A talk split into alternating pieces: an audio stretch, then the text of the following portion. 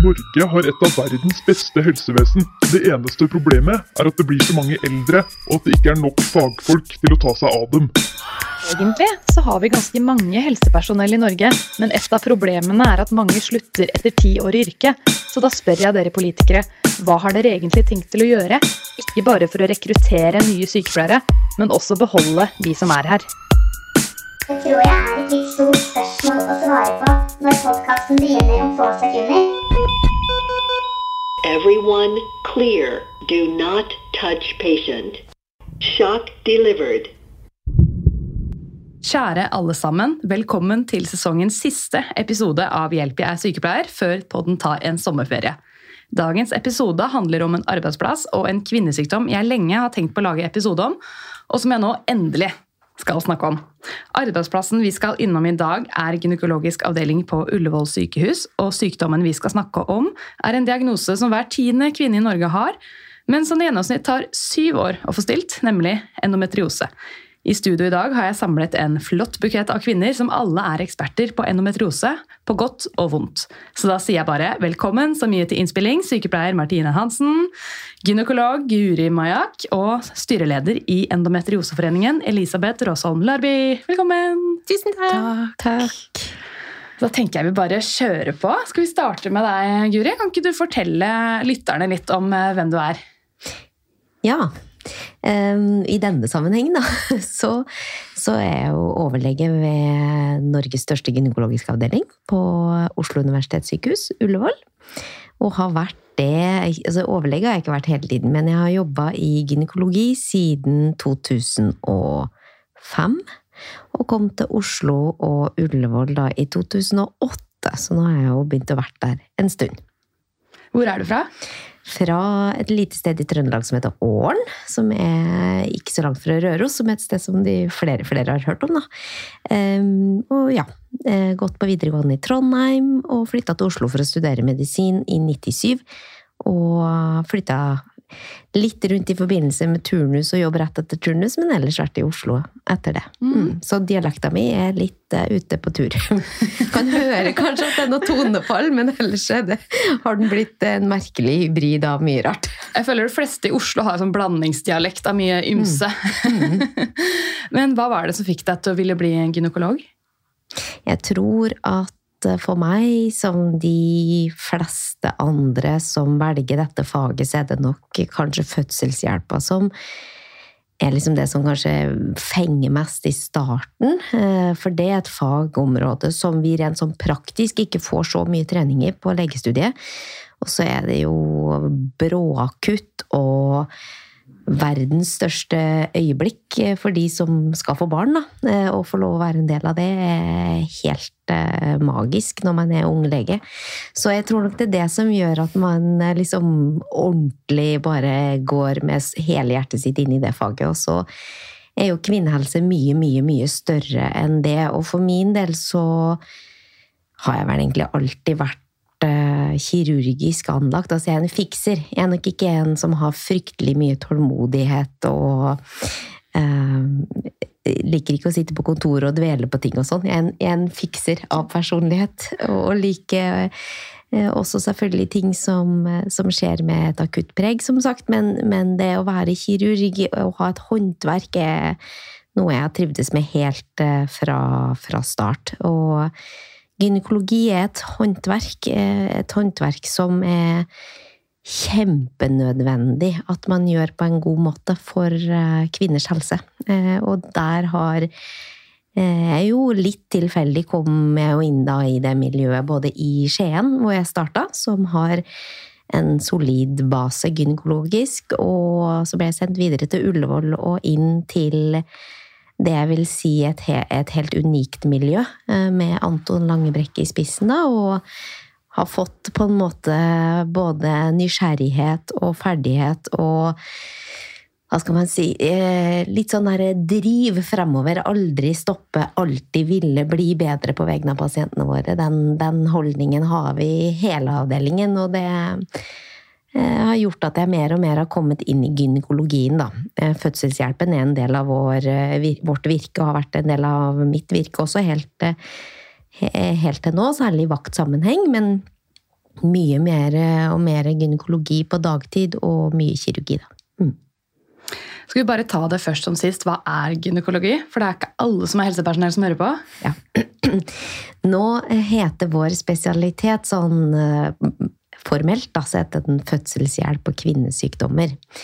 Ehm, Så jeg er spesialist i fødselshjelp og kvinnesykdommer.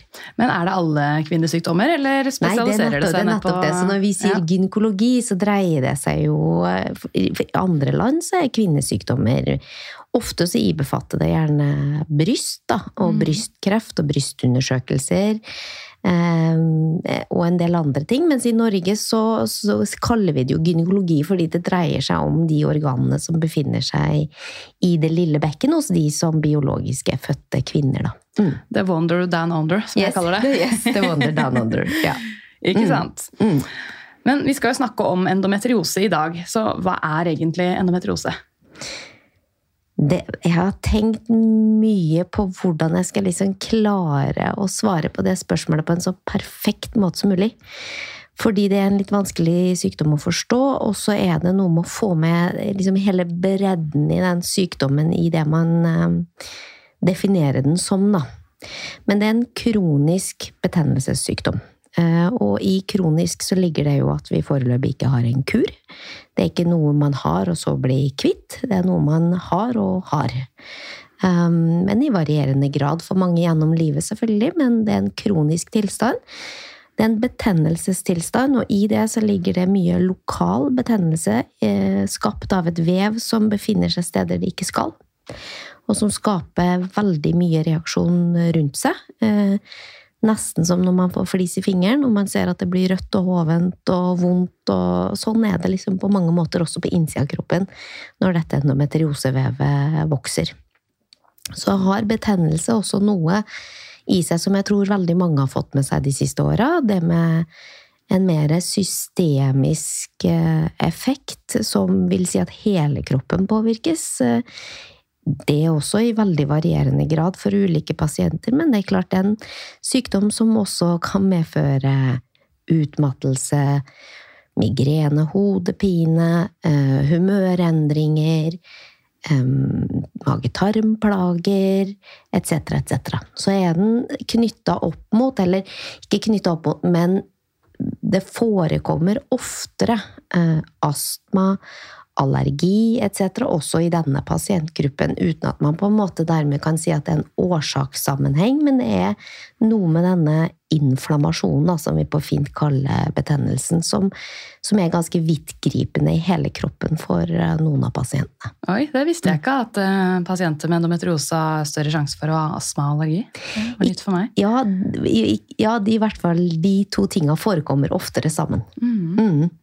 Men dette endometriosevevet, det er, vi er i livmora, ikke sant? Bare så vi forteller følgerne litt hvor eh, Nei, det er der vi ikke er, da. Nei, vi er ikke det, nei. det, var, det var godt du sa. Man ser jo bilde av en sinna livmor hvis man skal le, lese om endometriose. ja. Nei, eh, det er kanskje det eneste stedet det ikke er. På innsida i hvert fall. Da kalles det adenomyose hvis det gir tilsvarende symptomer. Ikke sant? Mm.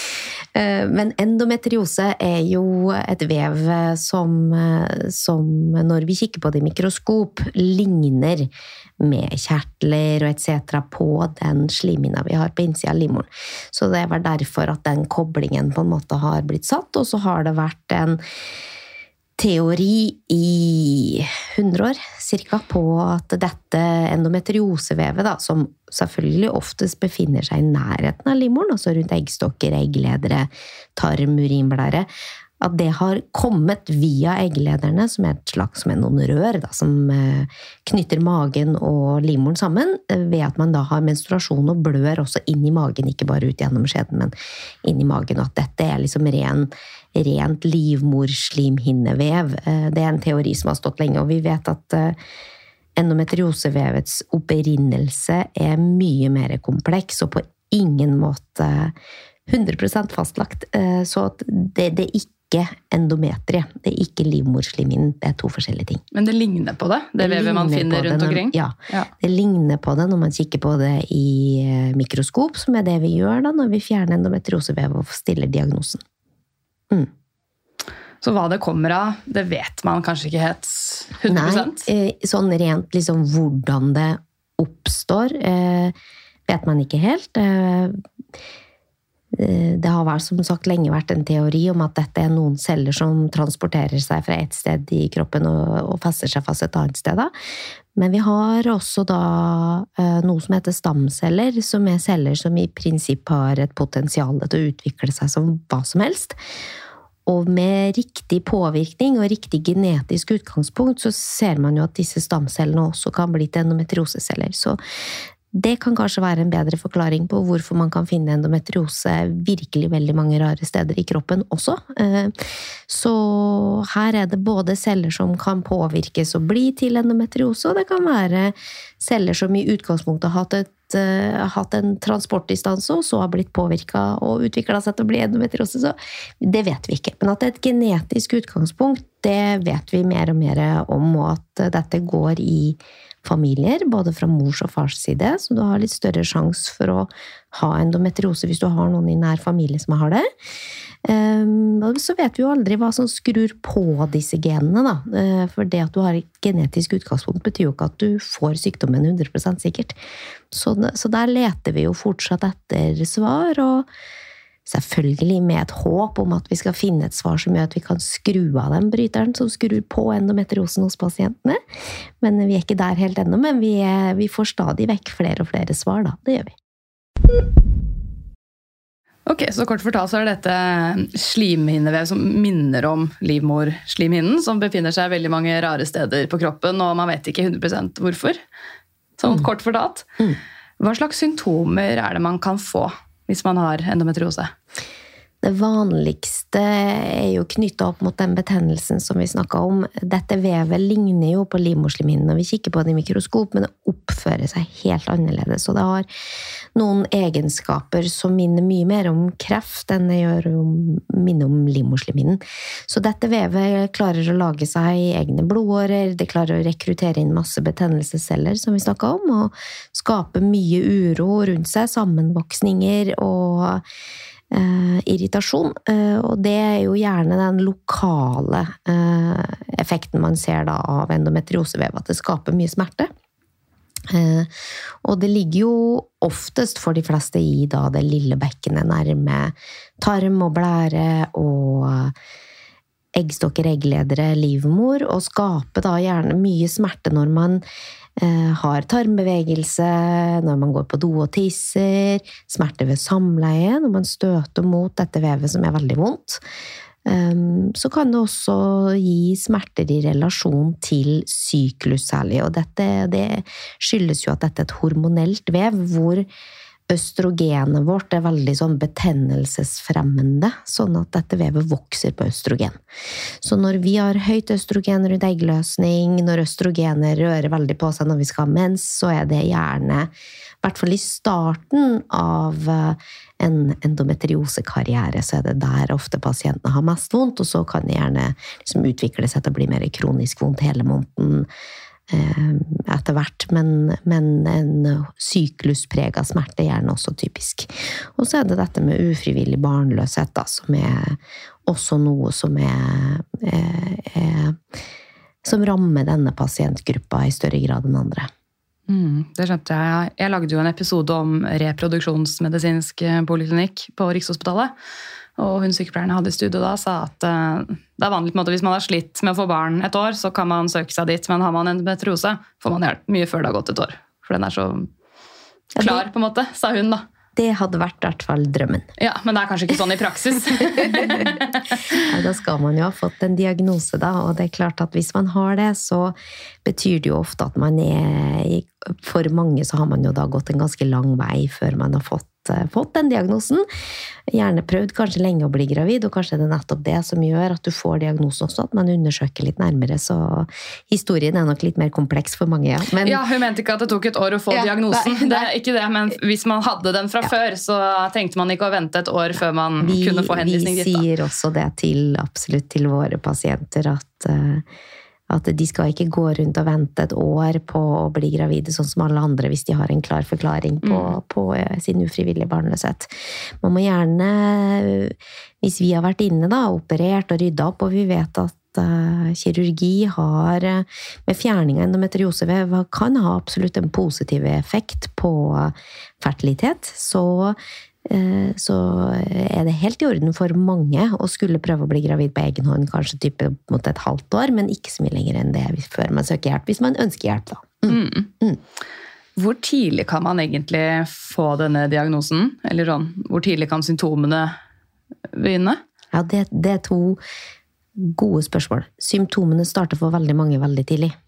Og det vet vi mer og mer om nå. Når man har kikka liksom i, i, det som er skrevet i litteraturen, så har gjerne liksom en gjennomsnittsalder for diagnosen endometriose vært eh, typ et eller annet sted i slutten av 30-åra, opp mot 40. Eh, mens symptomene, når man spør disse pasientene, har jo starta veldig tidlig for mange. Og, og, gjerne i ungdomsalder, altså ungdomsskole, videregående alder, for mange av de. Um, hvor tidlig man kan få diagnosen, er et litt annet spørsmål. Fordi diagnosen per i dag kan selvfølgelig gis ut fra um, det du ser på ultralyd etc., men gullstandarden er så fortsatt at man kikker i mikroskop, har vev, kikker i mikroskop og får på en måte en histologisk forklaring på at det er det som er sykdommen. Da. Og mange har hatt en veldig veldig høy terskel for å gjøre kirurgi på barn. Eh, og barn i Norge er under 18 år, da. Mm. Så vi eh, gjør absolutt kirurgi på pasienter under 18 år, men de er jo et fåtall. De skal gjerne prøve litt annen behandling først, og så tar det ofte som sagt litt tid før de kommer inn i vårt system. Så, men man kan absolutt få denne diagnosen før man har fylt 18, ja. Mm. Kan man begynne å få symptomene før man har fått menstruasjon, eller er det på en måte etter at menstruasjonen har starta at, at det begynner å komme symptomer? For de aller, aller fleste så vil det være symptomer som eh, starter når man har fått menstruasjon. Men så er det jo sånn med denne sykdommen at den forekommer jo oftere hos de som har eh, f.eks. For forandringer i livmor, eggstokk, eggledere. At de er skapt litt annerledes. Um, og kanskje aldri vil få menstruasjon, eller i hvert fall eh, kanskje ikke har en menstruasjon som gjør at de blør ut gjennom skjeden, som er det de fleste gjør. Så det er litt mer komplekst, eh, komplekst enn det. Men, men de, det setter endometriosevev ned hos eh, helt ned på nyfødte. Eh, og litt derfor jeg sier at det er ikke sånn at man må, må ha en menstruasjon for å kunne utvikle endometriose. Og det eh, er jo med på å understreke at dette er mye mer komplekst enn noen celler som blør bakover og inn i magen. Um, men regelen for de fleste er jo at man lever veldig fint som barn, og så starter dette med syklus eller et eller annet sted etter at man har fått en syklus. Mm. Så er det dette med utredning og diagnostisering. Da. Vi har jo vært litt inne på det, men hvordan er på en måte et typisk forløp, og hvordan setter man den endelige eh, diagnosen? Mm. Det er jo mye knytta opp mot at man har vondt når man har menstruasjon. Det har liksom vært standardoppfatningen av endometriose.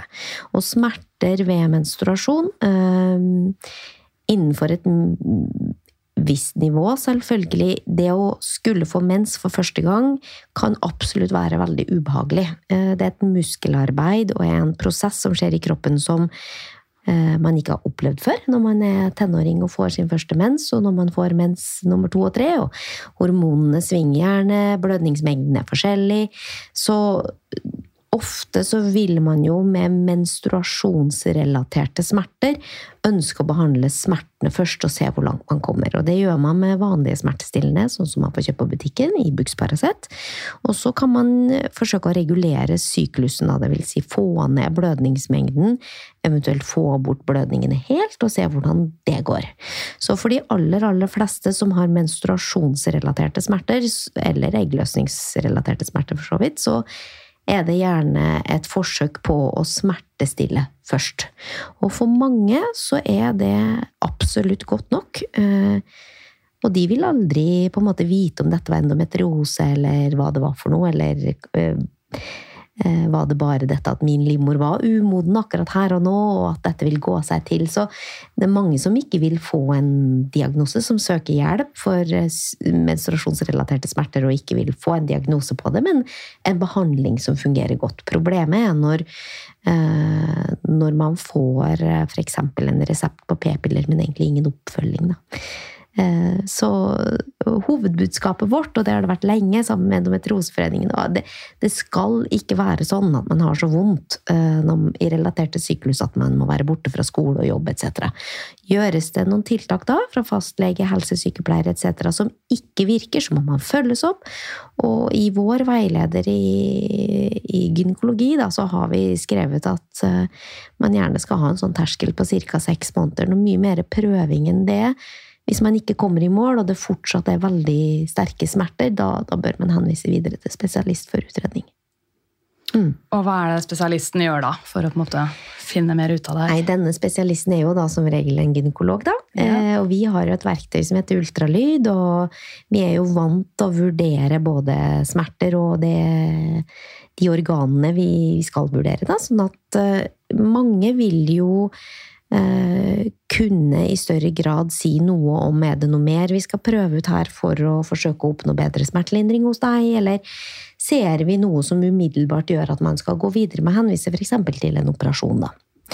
Eh, så det er litt opp til gynekologen. Vi vet at ultralyden vår er mer og mer bevist sensitiv for å fange opp endometriosevev, men det fanger ikke opp overflatisk vev som er så eh, tynt og smått at ikke, ikke man ser det på ultralyden. Og da er det en kikkhullsoperasjon som må til. Mm. Tar man da biopsi? Det er det mange som har spurt om. Ja, Det er et veldig godt spørsmål. Ja. Biopsi er en vevsprøve eh, som man da sender inn til en undersøkelsesmikroskop, sånn som vi har om. Eh, og biopsi må man gjerne ta av ting man ikke helt vet hva er. Vår holdning er at når man vet hva det er, når man har sett endometriose mange nok ganger, så ser man at det er det det dreier seg om, og da fjerner vi Vi tar da normalt sett ikke biopsier, da fjerner vi alt. Er det det man kaller for sanering? Ja, det er det vi kaller sanering. Ja, jeg har lest i noen mm. operasjonsbeskrivelser. Sånn som man sanerer sopp i hus, eller, eller andre ting man ikke vil ha. ja. Så går man inn for å ta bort alt. Ja. Man fjerner jo ikke organer som vedkommende har bruk for. Uh, selvfølgelig fjerner fjerner alt, liksom. alt, som man bare tar vi alle organer ut. Endometriose sitter i hvert fall for ca. 80% i bukhinna, som er en sånn tynn, tynn hud som sitter på innsida av maven, og det er der de betennelsesforandringene sitter, og det er den vi fjerner. Den vokser ut igjen veldig fort. Skraper man det vekk, eller Nei, hvordan får du det?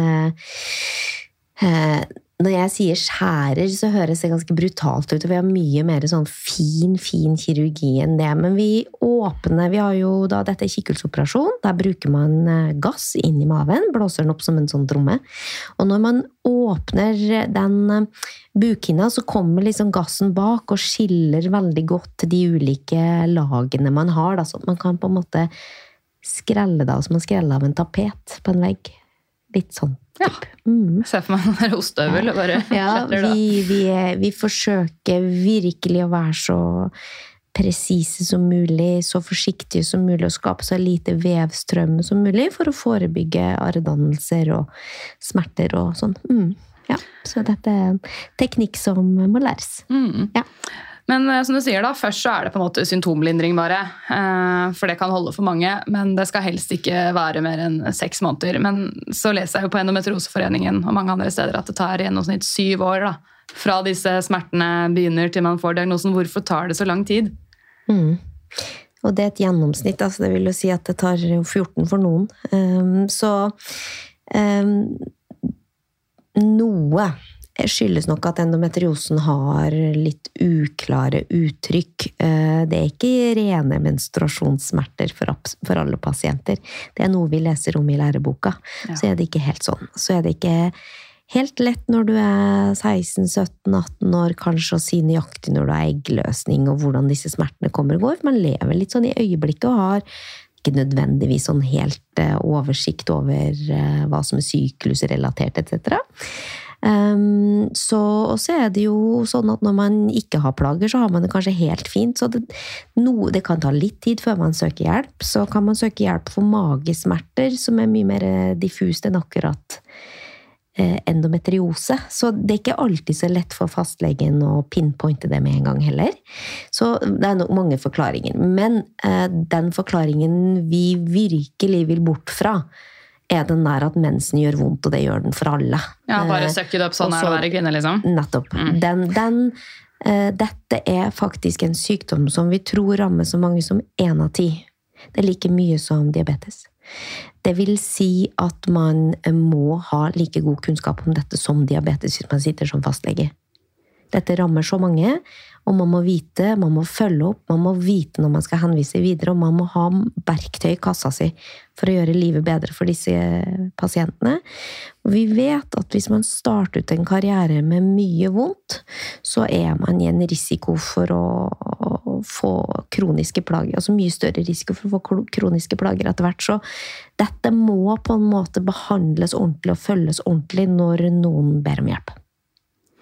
Er det fortsatt eh, for lite kunnskap om dette blant helsepersonell? Ja, det tror jeg. Ja. Eh, Det tror jeg absolutt, eh, og det er for lite kunnskap generelt. Det er jo masse vi ikke vet, og mye vi ikke har en god forklaring på. Så, så det, det er det nok. Men den bevisstheten rundt denne tilstanden har jo, tror jeg vi kan si, økt veldig de siste åra takket være Endometrioseforeningen og pasienter som har stått fram og fortalt sin historie i media, som har gjort at dette fått opp øynene både på politikere og befolkningen generelt. At dette Jeg tror alle, når jeg snakker med mine foreldres generasjon altså, jeg, tror, alle på en måte husker jenter som sto over gymmen eller var borte fra skolen når de hadde mens. og eh, dette er jo noe som har eksistert siden tidenes morgen. Det er ikke en ny sykdom. Eh, Det er en eh, sykdom som har vært der siden bestandig. Hippokrates. Så, Ja. så, så jeg, det er ikke noe nytt, men jeg tror bevisstheten rundt det har eh, heldigvis stadig økende. For det, det var et av de spørsmålene jeg lurte på om det er en ny sykdom eller alltid har vært der, men kanskje de snakket om det litt annerledes før. For jeg har bare lest litt tilbake, og så har jeg hørt om det hysteria, da. og det er jo da disse som skreik og fant ikke ut hva det var. Så jeg bare lurte på, kan det ha vært endometriose hele tiden, som bare har gjort folk helt gal av smerter? For hysteria betyr vel livmor på vandring, og det er jo litt sånn livmorlignende vev på vandring. Er det det det har vært hele tiden? det var ikke det de trodde den gang. Den gang trodde de faktisk at livmoren var på vandring, og så, og så måtte man lukte på noe vondt, eller man har brukt ulikt for å få livmoren tilbake igjen på plass. Og dette er helt fascinerende historie. Men at de symptomene som beskrives i langt, langt, langt tilbake i tid, og fra Freud og nei, hele veien, ja. Absolutt. Helt sikkert. Mange av de med endometriose. ja. Hysteria, da. Det er et eh, tema for seg selv. Det er en film som heter det, òg, hvor de trodde hun kunne bare kurere alle damer med en dildo. Ja, ja, det er ikke om dere har sett den filmen?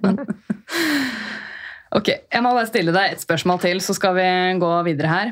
Hvorfor har kvinnehelse lav status innen den medisinske verden, og hva kan gjøres for å endre dette? Jeg syns kvinnehelse er dritkult, så jeg skjønner ikke hvorfor det skal ha lav status. Da kom du med det der liksom bitte lille spørsmålet. Det bare sånn by the way. Eh, Status eh, kommer jo mye med penger. Sånn er det jo bare. Eh, Og eh, kvinnehelse er underfinansiert.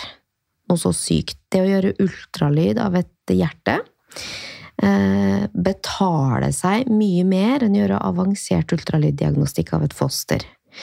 Samme apparatet, eh, samme papiret vi legger for å beskytte sånn at ikke man får gelé på klærne og sånn. De som har gjort det, vet hva vi snakker om. Men likevel så får man mer betalt for å gjøre den ultralyden av hjertet enn man får av å gjøre det av eh, et voksne foster. Så hele veien underfinansiert. Og finansiering er jo det som gjør at eh, avdelinger kan vokse, eh, ha forskning, status. så finansieringen har en stor del å si. Og så er det klart at eh, kvinnehelse har vært underforska. Det kan være vanskeligere å forske på kvinner. Det, det, det, er et faktum. Det er helt sikkert vanskeligere å forske på kvinner med, hvis man skal ta med syklusen i betraktning. Det er mye lettere med menn. Men det har altså vært veldig mye forskning på menn når det gjelder alle mulige kroppslige tilstander som rammer begge kjønn også. Så nei, vi har eh, vært for lavmælte, og det har vært stort sett kanskje menns helse som har gjort at arbeidslivet har gått videre og sånt for mange, mange år siden, da. Nå er vi jo der at uh, vi lever i et samfunn hvor begge kjønn skal virkelig bidra like mye. Uh, og man må forstå kvinners helse på en helt annen måte enn manns. Så hvor skal vi videre? Jo, vi er nødt til å ha finansiering. Vi er nødt til å få godt nok betalt for den jobben vi gjør eh, på sykehus, sånn at vi kan eh, få det utstyret vi trenger, at vi kan få de folka vi trenger. Eh, og så må vi få godt nok betalt for å forske på kvinner. Sånn at vi får mer kunnskap og kan gi mer riktig behandling direkte retta mot det kjønnet man har, da. Mm. Da var vel inne på hele den tørre greia med innsatsstyrt finansiering ja. og diagnoserelaterte mm. grupper og den driten der. som Jeg mm. mm. jeg var jo med på NRK-debatten. Så var det mm. hele episoden het eh, 'Prostatoperasjon mer verdt enn fødsler'. Ja, ja. Jeg men jeg skjønner ikke at de ikke satser mer på kvinnehelse, for kvinnehelse er folkehelse. Altså, tenk mm. hvor mange som bor med en kvinne som har en eller annen sykdom, hvor man har dritvondt og er masse syk. og så Hvis man bare kunne satsa mer på kvinnehelse, det kommer jo alle til gode. Mm. Uh, nei, vi må videre, ellers så snakker jeg meg bort.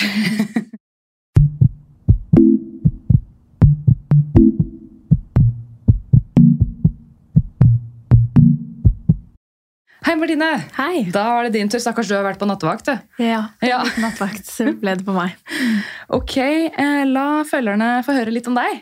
Ja, Martine heter jeg. 25 år, fra Oslo. Jeg jobber som sykepleier på gynekologisk sengepost på Ullevål. Mm. Og når ble du sykepleier? Jeg ble sykepleier i 2021 eh, eller 20. Ja. Mm.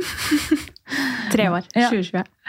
Hva var det som fikk deg til å ville jobbe på gynekologisk avdeling? Eh, jeg, da jeg var student, så søkte jeg meg til barn- og kvinnesykdommer. Eh, og ved all tilfeldighet så havnet jeg på gynekologisk sengepost i praksisperioden. Kunne ikke sånn altfor mye om kvinnehelse. Det er jo ikke et stort tema på sykepleierstudiet heller. Virkelig ikke.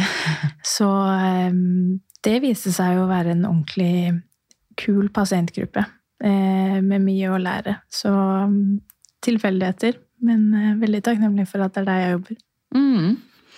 Og på gynekologisk avdeling, hva slags pasienter er det som kommer dit? Eh, det er veldig mange forskjellige pasienter. Vi har alle aldre. Vi har infertilitet og helt fram til barselhjelp. Vaginal fremfall, endometriose, blødninger, smerter. Eh, det er en relativt stor eh, pasientgruppe eh, som det er store variasjoner i.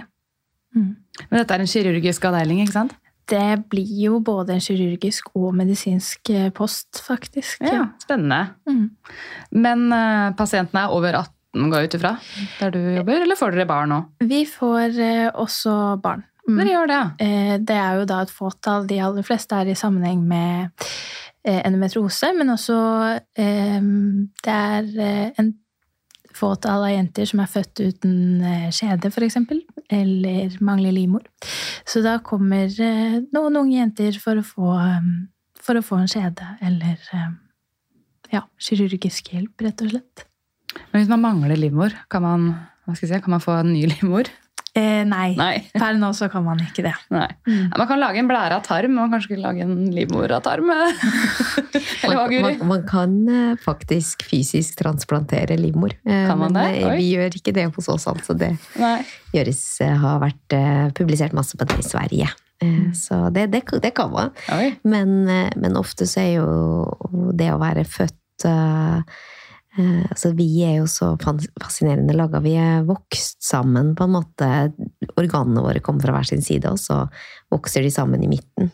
Og for noen så vokser de ikke sammen helt, så man kan ha en livmor som ser ut som et hjerte. Så at to, de to delene liksom ikke har helt fått lov å vokse ordentlig sammen. Og noen ganger så er de helt delt, så man har to livmorhalser, to eh, livmødre.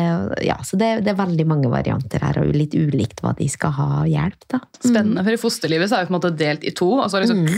smelter, ja, smelter sammen kroppen sammen. Det er derfor noen har mm. sånne leppe-ganespalte, for ja. ansiktet har ikke satt seg sammen. Det mm. fascinerende.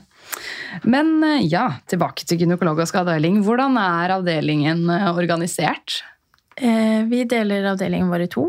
Den ene siden kaller vi uro, og den andre siden kaller vi endo. På endo-siden så skal det per definisjon ligge aller mest endometriosepasienter eller endometrioserelatert. Det er jo ikke alltid at det lar seg gjøre. Det er lange ventelister hos oss, så det hender at eh, rommene våre er fulle. Og på urosiden så mm, ligger da de vaginale plastikkene, som regel. Mm. Hvor lang ventetid er det hos dere, hvis jeg får spørre? Mm, det spørs litt hva slags inngrep du skal til, eller hva du skal gjøre. da. Endometriose. Ja. Eh, De ventelistene har bygd seg opp eh, ganske bra etter korona, men en en diagnostiskopi Vi, vi skiller jo litt på hva vi har tenkt å gjøre. Vi har, vi har operasjonstur som går hele uka. Så er det noe som er dagkirurgi, vil si at man forventer at inngrepet er såpass ukomplisert og kortvarig at man skal kunne reise hjem samme dagen. Det har vi litt kortere ventetid eh, på. Mens de inngrepene som de fleste endometriosepasienter skal ha, da, som er litt større enn det, eh, er det lang ventetid på nå, eh, dessverre. Vi har jeg tror vi har snart 2000 pasienter i kø. Oi. Så vi har lange ventetider, ja. Og vi snakker da om, om mye over et år. Halvannet år, Oi. kanskje. Mm. Så tilpasser vi jo litt individuelt, og så er det veldig mange pasienter som sier de kan komme på ganske kort varsel og sånn, så, så man føler liksom ikke Man får ikke en dato ett og et halvt år fram i tid. Vi prøver liksom det vi kan og justere ting, men, men vi har lange ventetider, ja. Mm. Ehm, ja, hva slags behandling for pasientene? Jeg har vært litt inne på det at det er eh, kirurgi, da. Men eh, de som ikke skal ha kirurgisk behandling, hva slags behandling for de? mm, I all hovedsak, eh, som for, for oss som sykepleiere, så handler det om smertelindring. Ja. eh, som er et eh, vrient felt, eh, akkurat når det kommer til endometriosepasienter. Det er ikke alltid man strekker helt til, dessverre. Eh, og det er vanskelig å rette Det som funker for én, funker ikke for en annen. Og eh, det er vel det som gjør endometriose vanskelig sånn i bunn og grunn fra start. At eh, eh, man krever så forskjellig behandling. Så, men eh, ja, mye smertelindring. Hva slags type smertelindring gir dere? Eh, vi prøver jo så godt det lar seg gjøre å holde oss unna opiater. Det blir mye varmeflasker, da. Det blir mye varmeflasker. Eh, Det eh, det er en del endometriosepasienter som har eh, gode, fine brannsår på magen etter hjemmebruk. Så det er veldig trist, men det har jo en god effekt, heldigvis. Paracet og Ibux er grunnlinjen i all smertelindring vi driver med. Og så bygger vi på fra det. At man da får kanskje tramadoler eller opioider Ja. på toppen? Riktig. Vi ønsker jo i utgangspunktet, altså når vi sier at vi ikke ønsker å bruke opiater, så er det jo ikke fordi at vi ikke ønsker å gi adekvat smertelindring, men fordi vi vet at eh, det på sikt Endometriose er som sagt en kronisk eh, tilstand. Én ting å behandle en smerteforverring som vi vet kommer til å gå, gå over.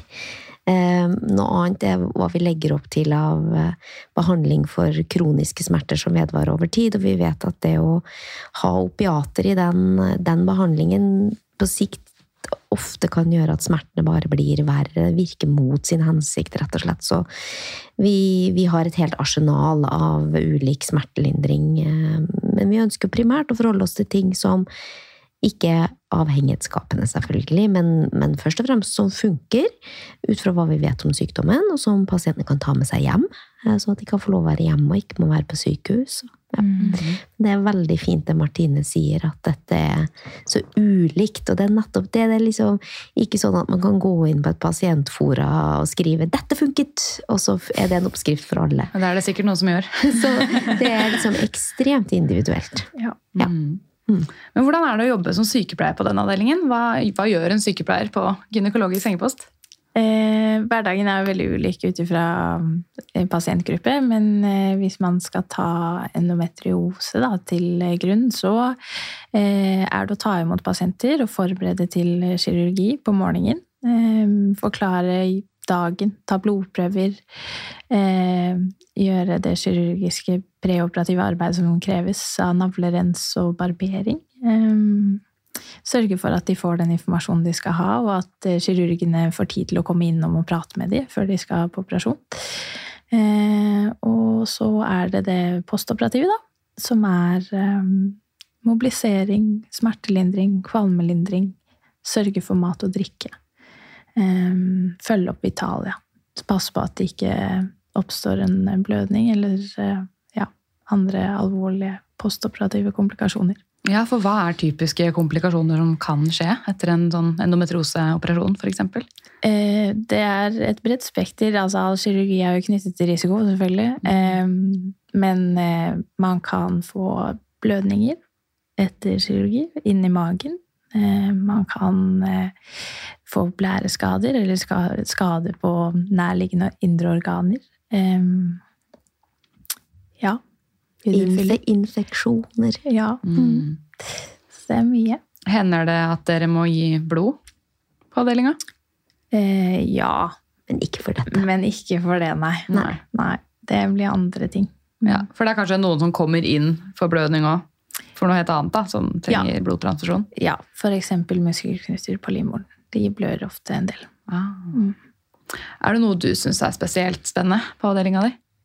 Ehm, jeg setter utrolig stor pris på um, pasientgruppen vi har. Ja. Eh, det er eh, i utgangspunktet egentlig ganske friske damer eh, som kommer for å bli enda bedre. S- det syns jeg er ganske kult. Da. Endometriose er en forferdelig sykdom, hvis vi skal ta utgangspunkt i den, eh, som preger hverdagen til mange. Og eh, så kommer de til oss, og forhåpentligvis så får de det litt bedre når de drar derfra og får en bedre og mer funksjonell hverdag. Eh, Og det er det jeg kanskje setter mest pris på. De man møter. Men eh, man slipper på en måte mye sånn stell og heis og bekken i seng kanskje, og alt det der eh, Ja. stellegreiene da, som ikke Det- alle sykepleiere er så glad i, hvis jeg skal være helt ærlig. Så, så hvis man liker å jobbe med pasienter som er relativt unge og oppegående, da, så er det kanskje en fin avdeling Ja. å jobbe på, sånn sett. Eh, Så ærlig skal jeg være at det er det er en god grunn til at jeg jobber på gynekologisk sengepost. At jeg slipper stell. Ja, for det er jo en litt sånn greie i sykepleierverdenen at det er ikke lov å si at man ikke liker stell, men uh, altså, det er ikke noe hemmelighet at det, det krever litt uh, å skape en, eh, en god stellsituasjon. Og jeg syns slik at den blir verdig nok da, for alle parter. Så der slipper man billig unna på gynekologisk sengepost, og så blir det heller veldig hyggelig de gangene man får sjansen til å gjøre det hos oss. Mm, Ja. Så blir det mer verdsatt aktivitet, da. Jeg skal ikke snakke ned stell altså, for de som liker å styre med det. Altså, det er jo kjempeviktig for mange, men eh, det må jo lov å være forskjellig. At eh, noen kan si at de er ikke så glad i stell og bleier og alt det der. Ja, jeg tror det er bra at eh, det er sykepleiere som liker andre ting, eller forskjellige ting. Hvis ikke så hadde jo ikke helsevesenet rulla framover. Det er så sant. Det er derfor jeg har denne podden, for å vise det til alle muligheter man har som sykepleier. Man kan jobbe med døende, og man kan jobbe med smertepasienter og whatever. Det er eh, pick and choose, på en måte. Ja. Hvordan ser en typisk vakt ut for deg? Du har jo fortalt litt nå med pre- og postoperativ sykepleier, men hvis du tar det litt sånn fra vakten start til slutt? Eh, hos oss så starter vi vakten. Vi har muntlig rapport. Så 07.30 til 8 så er det muntlig rapport, hvor nattvaktene gir fra seg avdelingen. Eh, og så er det å sette i gang med arbeidet. Da går man en eh, rolig tur innom eh, pasientrommene sine før man setter seg ned og begynner å ta imot eh, pasienter som skal gjøres klar til operasjon. Eh, og så bruker man eh, overraskende mye tid på det, egentlig. Det blir, du får jo aldri gjort ferdig en oppgave før du får en ny, eh, som regel. I hvert fall hos oss. Så det blir eh, Det hender det går i høyt tempo hos oss også. Travle vakter? Det er travle vakter, Ja. eh, men det er utrolig gøy. Så det blir eh, Jeg tror pasientene føler seg ivaretatt, men man er mye inn og ut, og det blir litt venting. Mm. Eh, så blir det, det Ja, ivareta, njuse. Eh, følge opp, mobilisere, fjerne kateter rundt sånn 10-11-12-draget. Eh, og etter 12 så er det liksom eh, de postoperative fra dagen før skal gjerne reise hjem. Eh, Så da er det å gi utreiseinformasjon, sørge for at de har det de trenger av smertestillende for å komme seg videre og hjem. Sørge for at alle leger er innom. Gå visitt de dagene du har ansvar for det. Vi har en som har ansvar for visitten. Er det sånn gruppeleder, da? Mm. Ja. Og det funker egentlig veldig godt hos oss. eh, Og vi liker vel egentlig den måten å arbeide på. Mm. Melde videre til igjen. Det virker som mye går på god kommunikasjon da, med pasienten. Informere, trygge, passe på at de har en plan kanskje når de drar hjem i tilfelle smerter og sånn skulle komme tilbake igjen. Ja. Det går mye kommunikasjon og mye observasjoner. Hva er mulig, hva er ikke mulig? Får vi Er det litt prematurt å sende deg hjem i dag? Skulle du kanskje ha blitt en dag til? Hvordan ser trygt ditt ut? Er du svimmel når du går? Så um, ja, mye kommunikasjon. Vi får prata mye, tror jeg. Er det noen som har det som heter åpen retur? De som sliter mye med smerter og sånt? Nei. Nei? Det er eh, ingen av oss som har det som jeg vet om, i hvert fall. Nei. Nei. Noen på Uro har det. De som eh, ofte får eh, tett neff. Kommer til nefrosomie. de- Noen av de har åpen retur-taker, men det er, eh, Ja. det er oss. Det er dere. Ja. Ikke alle får det, da. Det er noen som prøver seg. Ja. Men noen av de kronikerne får lov. Det må være lov å prøve seg litt innimellom. Ja. og så er det jo mange sykepleierstudenter da, som lurer på er det noen sånn typiske kliniske sykepleierprosedyrer som man pleier å gjøre hos dere. Eh, ja, det er det jo. Eh, vi legger inn eh, PVK-er. Eh, det er jo kanskje det greieste, og blodprøver. Eh, vi forholder oss til dren. Det er jo ikke Buktrenn. Bukdren, ja. Det er ikke så ofte på de endometriosepasientene, kanskje. Nei, Men- veldig sjelden, tenker jeg. Ja, det Men blir mye mer på andre pasienter, da. ja, Mm. infeksjoner i magen. Eh, det forholder vi oss til. Det er mye kateter. Eh, det blir også enda mer på den urosiden, da, med vaginalplastikker. Eh, hvor vi siker eh, og har opplæring av RIK. Eh, Altså engangskatetrisering. ja. Ja. Mm. Eh, sånn at pasienter kan få reise hjem selv om de ikke har tilstrekkelig tømming av blæren. Eh, og vi driver jo med mye rart på jobb. Jeg bare, det stokker seg litt her nå. Stakkars du har vært på nattevakt. da. Skjønner fint at det stokker seg. Men eh, hvordan er arbeidsmiljøet hos dere, da? Det eh, syns jeg er veldig, veldig, veldig bra. Eh, vi har leger som er inkluderende, informerende, og vi har et godt samhold legene og sykepleierne imellom. Eh, og samholdet mellom oss sykepleierne er jo eh, også veldig bra. Vi er eh, aller flest damer, og så har vi en pleieassistent som er gutt. Eh, men vi holder eh, tett sammen, altså. Det blir jo fort sånn når man er sykepleier. Det er eh, Man har jo en tendens til å føle at man står litt i møkka sammen, eller at man deler gleder. Og når man lykkes med noe, så er det en felles, eh, felles jubel, i hvert fall hos, eh, oss. Så eh, vi føler nok alle sammen at vi drar veldig i samme retning. Så bra. Og vi er jo beliggende i vårt eget bygg. Altså Vi har en nevrologisk avdeling i sjette etasje som vi ikke har så mye med å gjøre, Nei. men resten av bygget eier vi. Så vi, vi, vi ligger jo ikke tett oppi veldig mye annet. Vi får ingen sånn 'hei, nå er det fullt på Medders'. Vi får jo forespørsler, og vi sier ja når vi kan, men sånn generelt så har vi våre pasienter, vår flyt, våre, våre greier som vi er et team rundt i alle etasjer, Mm. egentlig. Så det fungerer ekstremt godt. Det gjør det. Mm. Men de pasientene som gjør sånn kondisering, har dere noe med de å gjøre? Eh, dagkirurgen har eh, noe med de å gjøre, men eh, det, eh, de aller fleste gjør vel en kondisering på poliklinikken. Eh, og da gjøres det i lokal bedøvelse, og så reiser de hjem eh, i etterkant. Eh, så vi får vel eh, komplikasjonen av en kondisering, eh, som er større blødning som ikke stanser. Mm. For jeg, jeg kondiserte på Ullevål, nemlig. Ja. Eh, gjorde narkose. Jeg Mm. var ikke interessert i å ligge der og lukte på min egen svidde. Nei, det er eh, Så det er hvis jeg hadde fått komplikasjoner, da, så kunne jeg blitt pasient hos deg. Ja, Ja, da kunne du det. Men det slapp jeg. Jeg dro hjem samme dagen. Det er så greit. ja, veldig greit. Det er godt å høre. Jobber dere tett med andre yrkesgrupper? Ja. Nei. Mest anestesi, kanskje? Ja. Anestesien er vår eh, største og eh, beste venn. Eh, Det er de som hjelper oss mye med smertelindring. Vi samarbeider også periodevis med smerteteam mm. for å legge gode planer for, for de inneliggende pasientene når de har en akutt forverring. Sånn at vi kanskje kommer noen vei videre hvis anestesien, hvis anestesien har mye å gjøre. Eh, innimellom fysioterapeuter. Eh, Men ja, det går mest i anestesi altså, og leger. Ja. Gode å ha. De er, vi er veldig takknemlige for eh, samarbeidet vi har eh, på, hos oss. Vi er skikkelig heldige. Så var det siste spørsmålet til deg. Det er hva liker du best med jobben din, og hva liker du minst? Ehm, jeg liker minst eh, oppkast. Det er lov å si! Det er lov å si. Ja.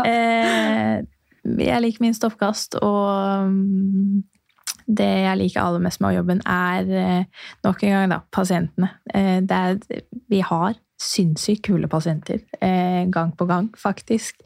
Og det er mye å lære og mye å hente. Hver historie Det er mye som ligner på hverandre, men hver historie er liksom litt unik, og da det gir litt giv, da.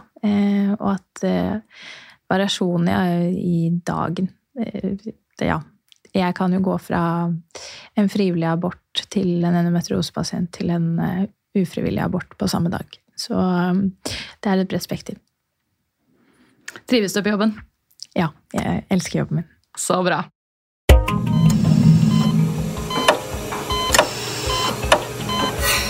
Nå skal vi over til temaet kule pasienter. Hallo! Yeah. Så da er det endelig din tur, Elisabeth. Sist jeg så deg, var jo på Helsebrølet i Oslo, hvor du holdt en fantastisk appell. Takk.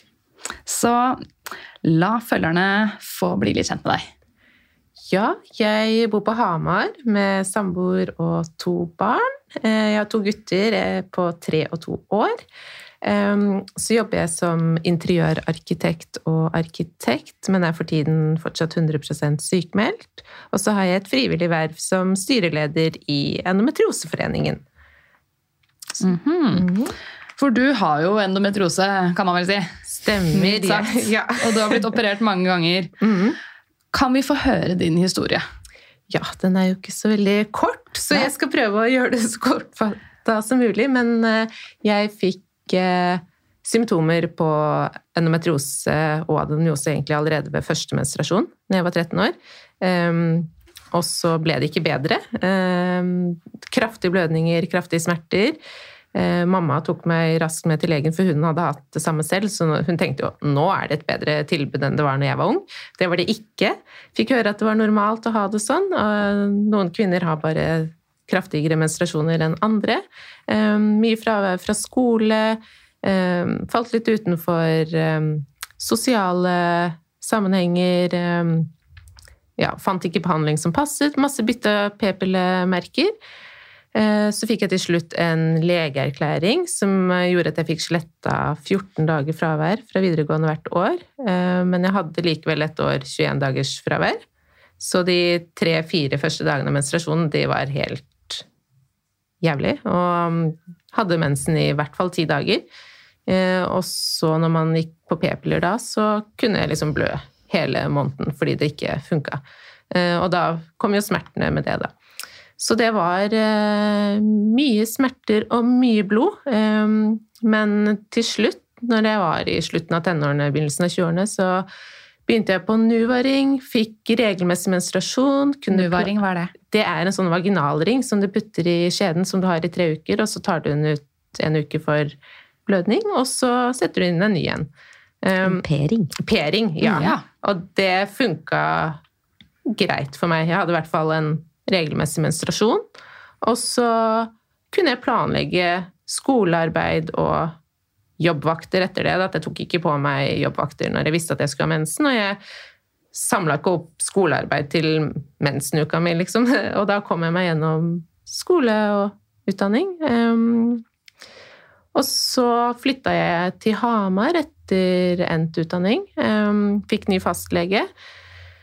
Som For tidligere hadde jeg på en måte blitt trodd, men ikke trodd. Jeg vet ikke, hva skal man si. Jeg fikk jo den legeerklæringa, og jeg fikk jo forsøkt å hjelpe meg, eh, uten å henvise videre, selvfølgelig. Men når jeg da fikk ny fastlege, så ble jeg ikke trodd. Jeg ble veldig bagatellisert, avfeid. Jeg hadde begynt å få ganske mange symptomer. Da var det ikke lenger relatert kun til syklus. Eh, Da var det liksom mye diffuse smerter.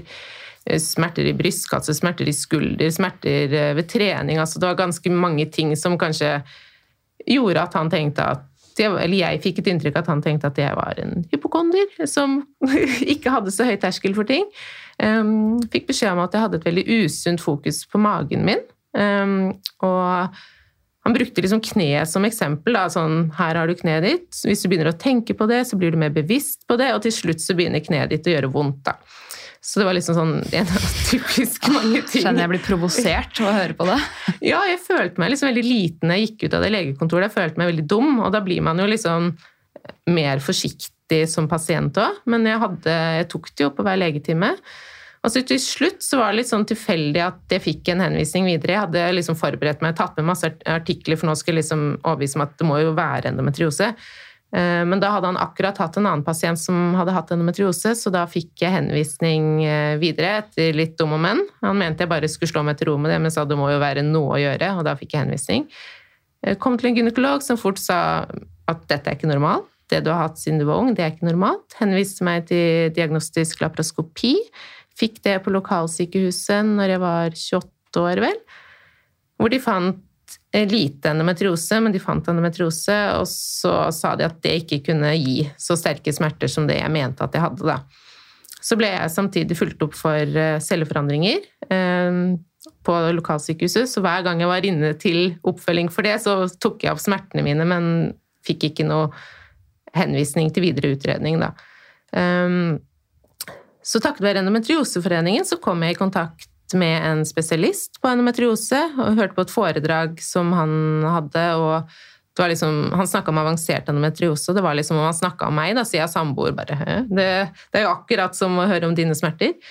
Så jeg fikk en henvisning til han. Var der 20 dager etter siste konsultasjon på lokalsykehus, og da mistenkte han alvorlig endometriose med innvekst i tarm og affeksjon av nerver. Så fikk jeg en MR-undersøkelse og ny operasjon som Eh, hvor de fjerna en del av endetarm, og så oppdaga de endometriose høyere opp i tarm, så jeg måtte ha en ny operasjon for å fjerne mer tarm. Men aller først så måtte jeg gjennom utredning for kreft, eller måtte utelukke kreft. Eh, så på et kort tidspunkt så mistenkte de lymfekreft, så jeg havna i et sånn pakkeforløp for kreft, og da går ting fort. Da, går det da fort. ruller ballen!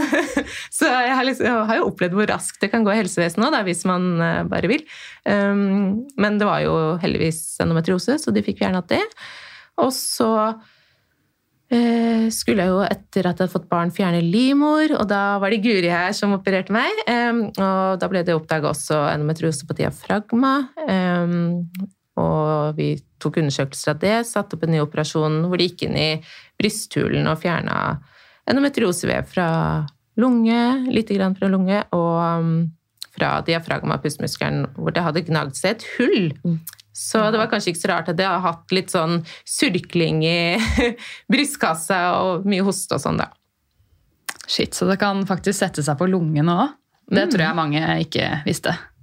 Ja, det tror jeg jo. Mm. Mm. Jeg vet ikke hvor mange Det gjøres vel ikke så mange sånne operasjoner, så det er vel kanskje vanskelig å si hvor mange det egentlig Umulig å si helt Påvirker. eh, det, for jeg tror det er litt underdiagnostisert, kanskje. Mm, Guri, sånn- er det noe sted endometriose ikke kan sette seg, egentlig? Nei, men det er jo helt, helt klart vanligst i magen, da. Ja. Bare så det er understreket. Men, men sånne mm, eh, fascinerende rapporter om eh, endometriosevev veldig mange andre steder. I hjerne og Hjerne, i nese og hos menn. Og, ja, så det, så det, det er et veldig fascinerende vev. Det må jeg lov å si. Men begynner man da på en måte å menstruere der man har fått det rare vevet? At det begynner å blø? Endometriosevev har hormonreseptorer for kjønnshormoner, sånn at eh, ja, det reagerer på østrogen og progesteron. Så Kan man få mensen på, på lunga? Bare sånn da, blør, veldig rett da kan man absolutt blø inne i eh, pusterøret, som gjør at man kan hoste opp blod, man kan blø sånn at lungen løsner fra veggen sin og gir sånn pneumotoraks. Eh, Så det er mange ulike symptomer som ofte, da, i starten i hvert fall, gjerne er syklisk. Det er jo liksom det som gjerne kjennetegner på den sykdommen. Det varierer med hormonsvingningene. Mm. Skjedde det noe sånn med deg at du hosta blod? Ikke aldri hosta blod. Jeg har hatt mye tørrhost og mye brystsmerter. Og så har jeg hatt uh, mye smerter ved fysisk aktivitet, sånn kondisjonstrening, at jeg har fått vondt oppover i halsen og kjeven. At det liksom har snurpa seg sammen. da. Og mye smerter i skulder og arm. Så litt mer sånn refererte smerter, da. Men eh, denne operasjonen, var det den siste du gjorde? Det var den siste jeg gjorde. Ja. Hvor mange ganger har du blitt operert til sammen? For endometriose er det fem. Fem ganger, ja. Det er mye. Ja, det er kanskje det. Ja. ja.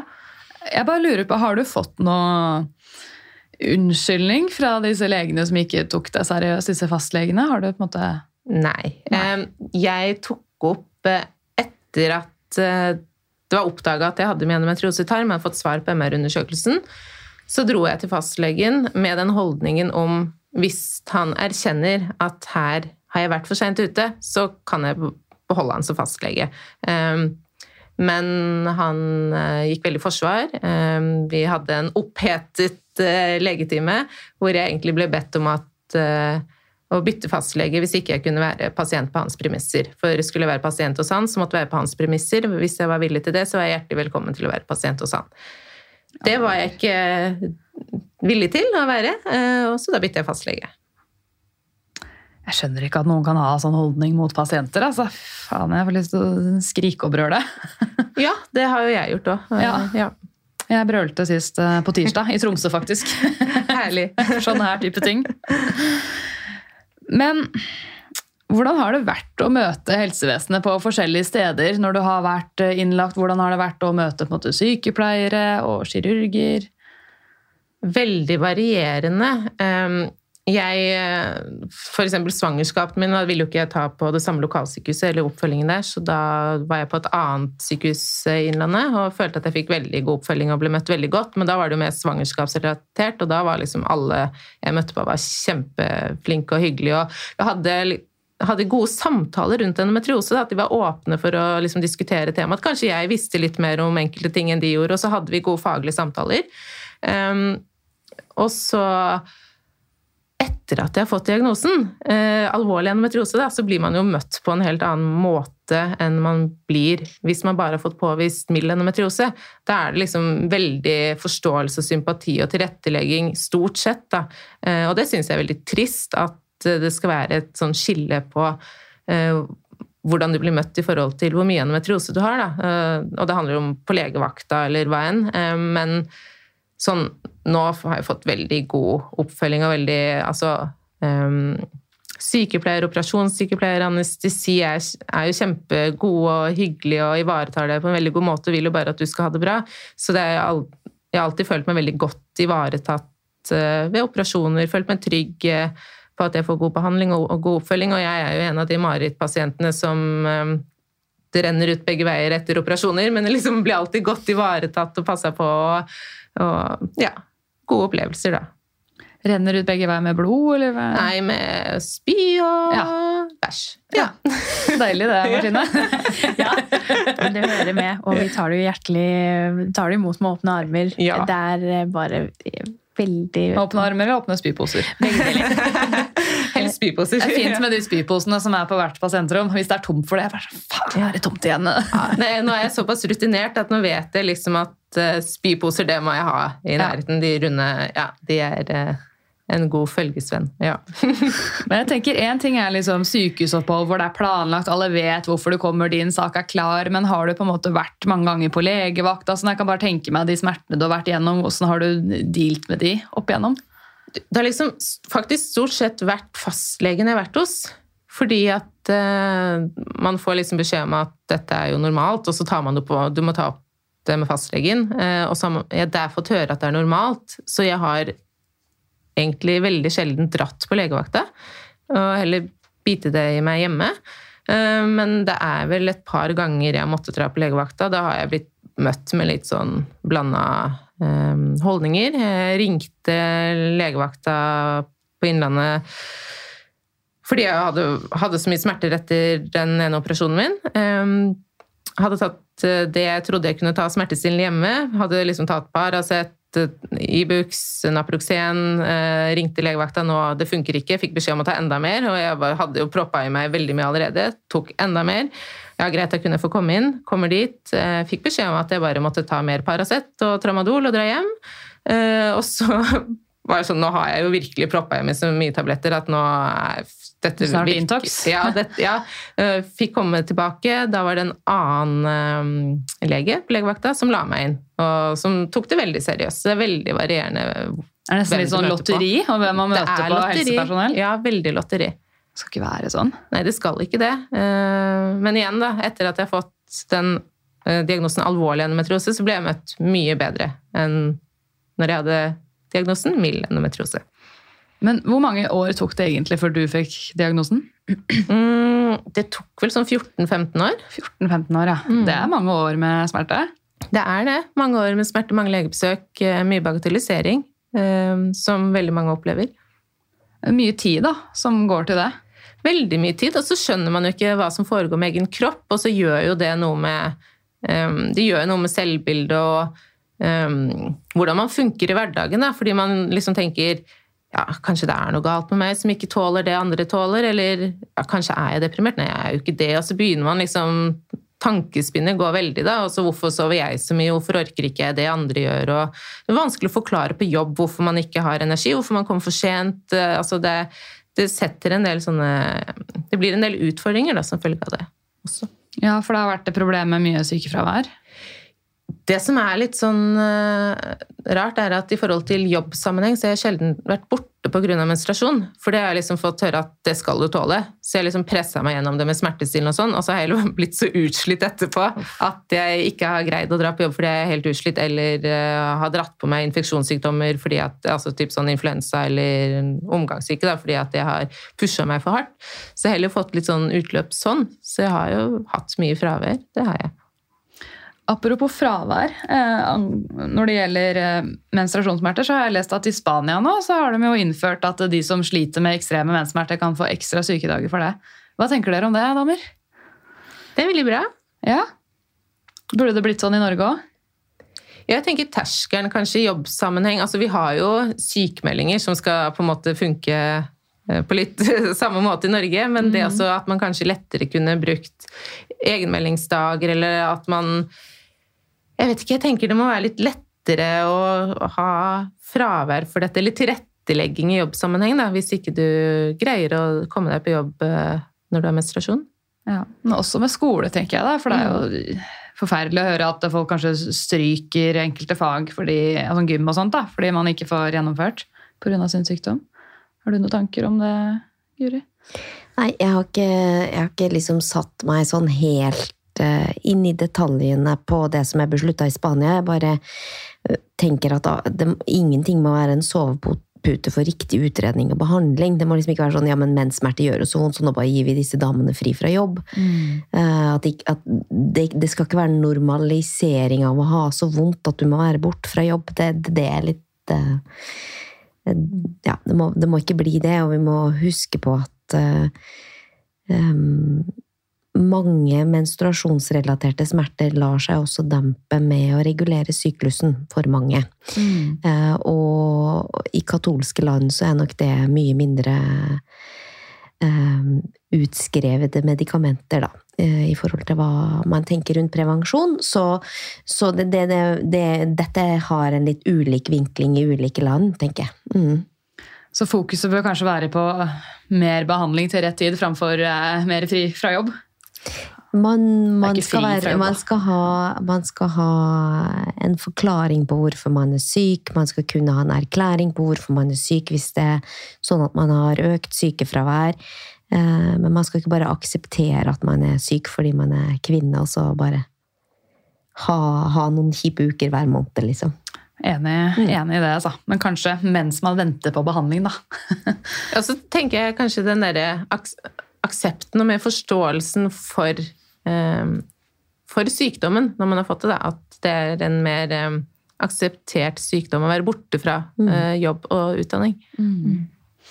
Men Elisabeth, du har jo nå vært igjennom, er det lov å kalle det et rent lite helvete, eller? Over mange år? Hvor du ikke har fått den hjelpen du trenger. Det har jo tatt altfor lang tid. Nå går det jo faktisk mot Det blir jo rettssak. Stemmer. Kan du fortelle hvordan det blei sånn, og hvordan prosessen har vært? Og ja, hvorfor du går til rettssak? Ja, ehm, jeg eh, søkte jo Norsk pasientskadeerstatning om erstatning for forsinket diagnose og manglende behandling. Det søkte jeg om når jeg innså omfanget av sykdommen. Eh, Og så fikk jeg avslag eh, på det. Klagde på avslaget, eh, og det ble sendt til eh, Pasientskadenemnda, som igjen avslo eh, klagen min. Eh, og da er eneste mulighet videre å ta det til eh, domstolen. Um, og det koster mye penger.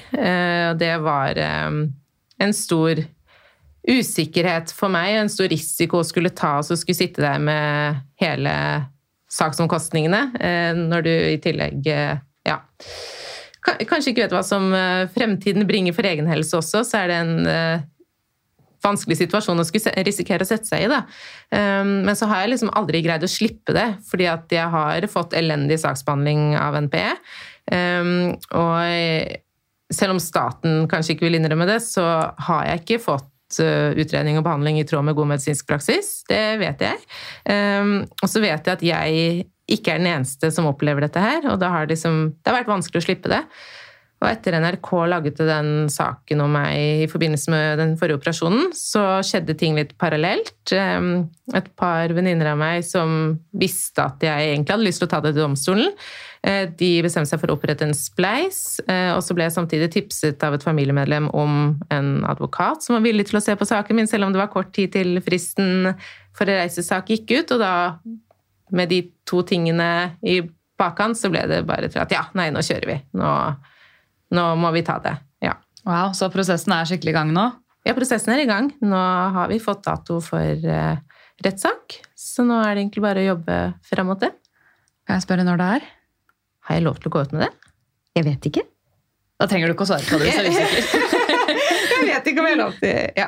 Jeg tror man har lov til det, men du velger selv å svare. Det er i november. ja. November, ja. Mm. Er spleisen oppe og går fortsatt, eller? Den er fortsatt oppe og går. Da skal jeg linke til den i episodebeskrivelsen. Takk, det er veldig snilt. Mm.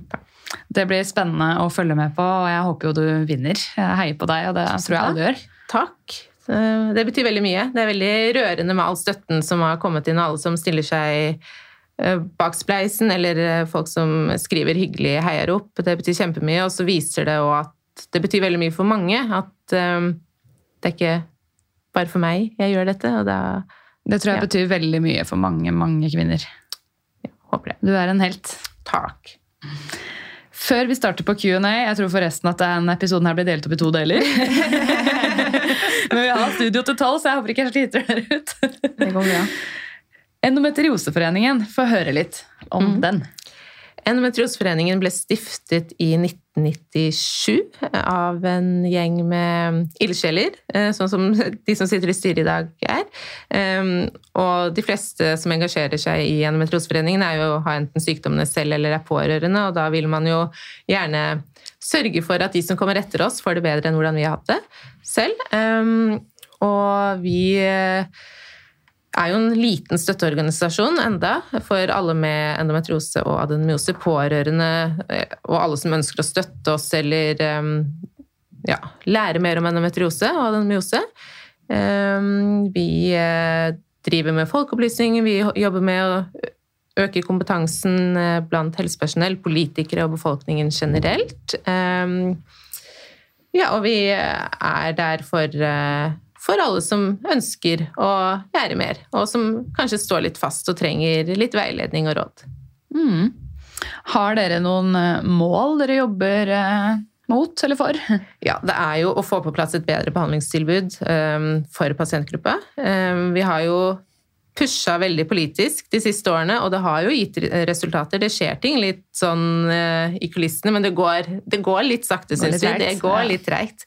Men jeg har tro på at det på sikt vil bli bedre, men det må fortsette å jobbes på, det må prioriteres midler, og det må prioriteres at det, dette arbeidet skal settes først. Uh, Så vi har jo um, Det er jo målet vårt for pasientgruppa, og som forening så håper vi at vi skal fortsette å vokse, få flere medlemmer, eh, sånn at vi får, inn, får mer støtte, og på den måten kan få ansatte og igjen utføre enda mer arbeid for denne pasientgruppa, og få utretta enda mer. Mm. Det har jo nylig vært en sånn norsk offentlig utredning om kvinnehelse. Hadde dere en liten finger med i spillet der? Vi satt ikke i den gruppa som jobba med det, men vi er veldig fornøyd med resultatet. Syns det har kommet med mye bra. Vi er veldig fornøyd med at endometriose har fått en så stor plass, og at de tiltakene som vi politisk har jobbet med, har fått en plass i NOU-en. Eh, Og så er det jo ikke dessverre så veldig overraskende det som står i den rapporten, da. Det er det jo ikke. Eh, Var det litt sånn det samme de konkluderte med forrige gang? At oi, her har vi ikke nok kunnskap. Oi, dette er underfinansiert. Ja. Men er det noe den NOU-en nevner om endometriose spesifikt som dere syns er veldig bra? Som dere håper på vil skje? Ja, det er jo de at det må komme på plass nasjonale retningslinjer og, en eh, nasjonal kompetansetjeneste. Eh, Det er jo på en måte det aller viktigste. Det er essensielt for at det skal bli bedre for pasientgruppa. Nasjonale endometriosesenteret vet jeg noen har snakka om. Er det noe dere snakker om? Eh, Vi har snakka om eh, den kompetansetjenesten, eh, og så at det skal opprettes endometrioseteam i hver helseregion. Og dette vil være litt sånn henge sammen, være parallelle løp, da. Ja. Og dette kan jo Guri sikkert si litt mer om, men det, det å få heva kompetansen over hele landet, sånn at man faktisk har en, et team i hver helseregion som har mer kunnskap og informasjon om endometriose, og som igjen skal spre det utover i sin region, er jo kjempeviktig. Vil dere ha en liten beinstrekker beinstrekk eller gå på do før vi begynner med Q&A? Jeg vil bare ha vann, jeg. Ja, kjør på med vann. Da tar vi en liten eh, break.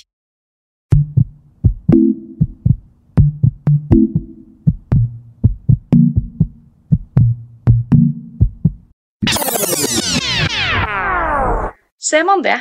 Jammen så ble ikke dette sesongens siste episode likevel, fordi vi har jo så mye å snakke om. Så denne lille breaken den varer da bare fram til tirsdag, og så får dere sesongens aller siste episode, der vi svarer på spørsmål fra dere. Gleder meg!